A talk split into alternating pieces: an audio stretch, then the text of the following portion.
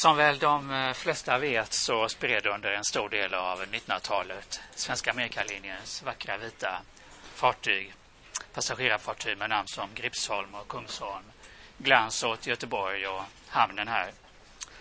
Och det är båtar som förknippas med lyx, stora världen på den tiden, Greta Garbo. Och i böcker och dokumentärfilmer, journalfilmer och tidningsartiklar så har de skildrats. Men eh, något saknas i de här skildringarna. Eh, homosexuella män och manligt homoliv. Ändå så var detta något som var högst påtagligt ombord. Och det var också i hög grad, inte bara, men i hög grad homosexuella män som gjorde den här glansen möjlig. Och för att bryta den här tystnaden så har jag nyligen gjort en studie av Amerikabåtarna som en manlig homosexuell eh, arbetsmiljö och arbetsmarknad. Och den här eh, studien som jag har gjort då, den bygger på tillbakablickande intervjuer med eh, män som arbetar på båtarna.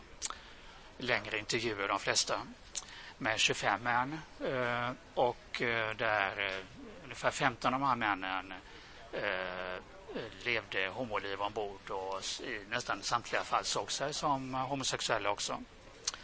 Och den perioden, i och med att den bygger på intervjuer då, så den period som det täcker det är ja, från efter, efter andra världskriget då, till nedläggningen 1975. Rederiet grundades ju 1915. Men om man ska bygga på intervjuer så går det svårt att få berättelser bakåt i tiden. Jag har ett par stycken som har berättat om 30-talet. En upprinnelse till den här studien den finns i tidigare studier som jag har gjort av manligt homoliv i Göteborg kring mitten av 1900-talet. Som publiceras i ett par böcker här. Dels en bok som heter Såna riktiga karar om manligt homoliv, eh, manlig homosexualitet i Göteborg decennierna kring andra världskriget. Så perioden 1930 till 60. Och den här som heter En annan stad om kvinnligt och manligt homoliv som jag skrev tillsammans med min kollega Margareta Lindholm. Eh, som då handlar alltså om perioden 1950 till 1980. Där vi jämför då mycket går ut på att jämföra kvinnligt och manligt homoliv som var väldigt olika, speciellt i början av perioden. Men i alla fall om man tänker på det här manliga homolivet som, som eh, jag skriver om här så i Göteborg så var Amerikabåtarna framträdande i, i, eh, i det här livet.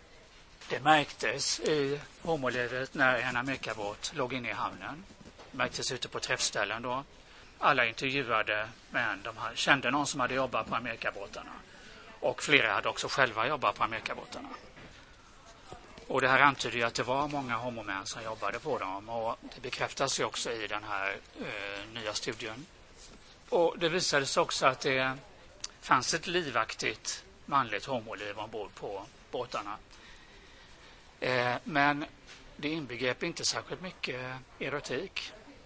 Och det är anmärkningsvärt, tycker jag, inte minst mot bakgrund då att nästan alla i den här flera hundra personer stora besättningen var män som under veckor och månader tillbringade både arbetstid och fritid mycket nära varandra då, ute till havs. Och eh, eh det är också anmärkningsvärt med tanke på den här, eh, som många berättar om, semesteratmosfären ombord och lite alkohol och eh, frikopplingen ifrån land och ifrån nära relationer till land och så. Att det var ett slags frizon där man kunde tänka sig att normer och regler på land eh, släpptes. Också i det här ljuset så är det anmärkningsvärt tycker jag. Men också mot bakgrund av att det manliga homolivet i Göteborg i hög grad präglades av eh, erotik. Och eh, då kan man fråga sig hur kom det sig att det inte var mera erotik mellan män alltså. Och en anledning var att det var sällan långt mellan hamnar. Atlantöverfarten tog ju en vecka drygt. Eh, det var ju den vanligaste rutten i början av perioden.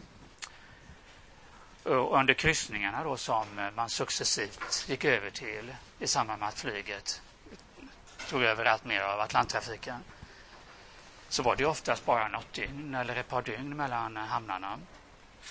Och hamnbesöken kunde ofta vara flera dygn långa. Eh, till exempel i New York eller Göteborg så låg, man ofta, låg båtarna ofta inne flera dygn. Och inte som idag då som de här eh, eh Queen Mary, 2 och Queen Elizabeth och de här. De kommer på morgonen till New York och så går de på kvällen. Så att i hamnarna så fanns det möjligheter att leva ett sånt här homoerotiskt liv. Och det är mycket, många sådana berättelser, inte minst ifrån New York och eh, kryssningshamnar runt om i världen. Och eh, i New York var man ju ofta i, dels på eh, i Atlanttrafiken men också var det ju där som kryssningar startade och slutade många gånger, de flesta gånger. Och man berättar där om besök på gaybarer och stora gaybad i New York och sånt redan på 50-talet. Något annat som hämmade den här homoerotiken eh, det var ju att män som inte såg sig som homosexuella i hög grad avhöll sig ifrån den. Och där, här skiljer sig den bilden ifrån den, framförallt den här bilden som gavs i den boken om, om decennierna 30, 40, 50-talen. Där det inte var ovanligt att många män, alltså som inte såg sig som homosexuella, deltog i homoerotiskt liv. Och bland annat män som kom ifrån båtar eller väntade på båtar i hamnen och så. Ehm, samtidigt var det också så då, speciellt i början på perioden, att många män som, många homosexuella män, de var inte attraherade av varandra, utan de var inte attraherade just av män som inte såg sig som homosexuella. Sig själv och sina lika var man inte erotiskt intresserad av. Eh, så att eh, även om man kunde vara intresserad av män då ombord då som eh, inte såg sig som homosexuella så var de andra inte intresserade. Och då kan man ju fråga sig var, varför var det så då att de andra inte var intresserade? Och en anledning tror jag att, att eh, homosexuella var så synliga och så många ombord. Eh, och att delta i eh, homoerotisk samvaro i den här miljön, att det, då skulle man i allt för hög grad associeras med eh, homosexualitet och homosexuella identiteter. Sen var det också så då att på Amerikabåten så var det svårt att vara anonym i, i homoerotiska möten. Och eh, också här skilde sig båten ifrån staden där mycket av homoerotiken försiggick i form av anonyma möten ute på platser då som bekvämlighetsinrättningar och parker. Man träffade främmande män. Och eh, det här hämmade ju förstås deltagande, inte bara för sådana som inte såg sig som homosexuella utan för sådana, många ville ju dölja också sin homosexualitet som såg sig som homosexuella. Och också eh, tror jag de som, som var, som inte var så intresserade av att dölja sin homosexualitet så, så, så man var van vid anonym, eh, anonym eh, sexualitet, eh, anonyma möten. Sen på Amerikabåtarna det fanns ju kvinnor ombord. Det fanns få kvinnor i besättningen, kanske 10 procent tror jag det var ungefär eh, av besättningen som var kvinnor. Och, och de som fanns var ju länge i eh, begränsad utsträckning tillgängliga för männen som någon sa att de var bakom lås och bom i en särskild avdelning längst akterut. De som inte tillhörde de här kanske övre yrkeskategorierna. Men de hölls för sig själva och eh, i början var det också separata mässar och senare kunde då, när det var separat köns, könsintegrerad mässa så fanns det ett draperi som de kunde dra för i förhållande till männen. Då. Men det fanns ju kvinnor bland passagerarna. Och passagerarna då, de uppgick ju till eh, 800 under Atlantturerna och ungefär 400 under kryssningar. Och särskilt för överordnade, alltså de så kallade officerarna som hade stor rörelsefrihet ombord och i vilkas yrkesåliggande det ingick att umgås med passagerare, att äta middag med dem till exempel, att dansa med dem, så var ju detta någonting som, som eh, främjade ju eh, heterosexuellt eh, umgänge snarare än homosexuellt. Om erotik mellan män inte var så vanligt så var parförhållanden ännu mer sällsynta. Som sagt så var ju många homosexuella, eh, speciellt i början av perioden, inte intresserade av varandra och om homosexuella synlighet ombord hämmade eh, erotik, eh, homoerotik för män som inte såg sig som homosexuella eller som ville dölja att de gjorde det, så var det ju ännu mera eh, hämmande när det gäller parförhållanden. Det var ju svårare att dölja för omgivningen. Och parförhållanden skulle, skulle ju frammana i ännu högre grad eh, en homosexuell identitet än erotiska förhållanden. Eh, en man av de intervjuade homosexuella männen. Han berättade om att han hade affärer med män som var heterogifta till land då, på land. Men att så fort det började likna kärlek så tog det slut, sa han. Och sa han också att detta visste alla homosexuella män om, sa han, att där gick gränsen, så att säga. Och något som är viktigt i det här sammanhanget, tycker jag, som jag antydde, det här med anonymiteten, så är att sexualitet inte var så intimiserad för homomän, speciellt i början på perioden, som den är idag. Alltså, eh, sex i kombination med kärlek och ännu mindre parförhållanden och sånt, det var, för att inte tala om samboende, eh, det var inte vanligt och det var ingenting som man ofta tänkte på eller längtade till eller så. Däremot så sex i anonyma möten. Och eh, frågan är om det kanske var vanligare med heteroäktenskap än homoparförhållanden bland män med homosexuella känslor på till exempel 50-talet. Eh, kan man mycket väl tänka sig. Men mot slutet av perioden så blev det mer homoerotiskt liv ombord homosexuella emellan. Och det verkar som man blev mer intresserad av varandra som homosexuella. Och det är ju någonting som också är en sån förändring som jag skönjer i, eh, i den här boken och även den. Att det sker en sån eh, förändring av organisering och förståelse av samkönad sexualitet mellan män. Eh, men det betyder inte att andra män som inte såg sig som homosexuella kommer att delta mera. Men fortfarande fanns det de här andra begränsande omständigheterna. Dessutom blir kvinnor mer tillgängliga. Va? Alltså, eh, han som beskrev kvinnorna bakom lås och bom. På, han, han jobbade tidigt på båten.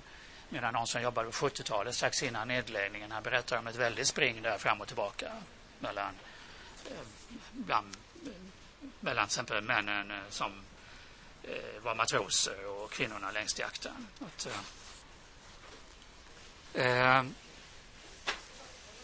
men om homoliv i form av erotik och parförhållanden var begränsat så var socialt homoliv desto mer omfattande. De var intervjuade berättade om väldigt livligt umgänge homosexuella emellan som kollegor, vänner, bekanta. I hytter, korridorer och inte minst i själva arbetet. Med skämt och eh, prat och så. Och här socialiserades ju också nytillkommande till homosexuella.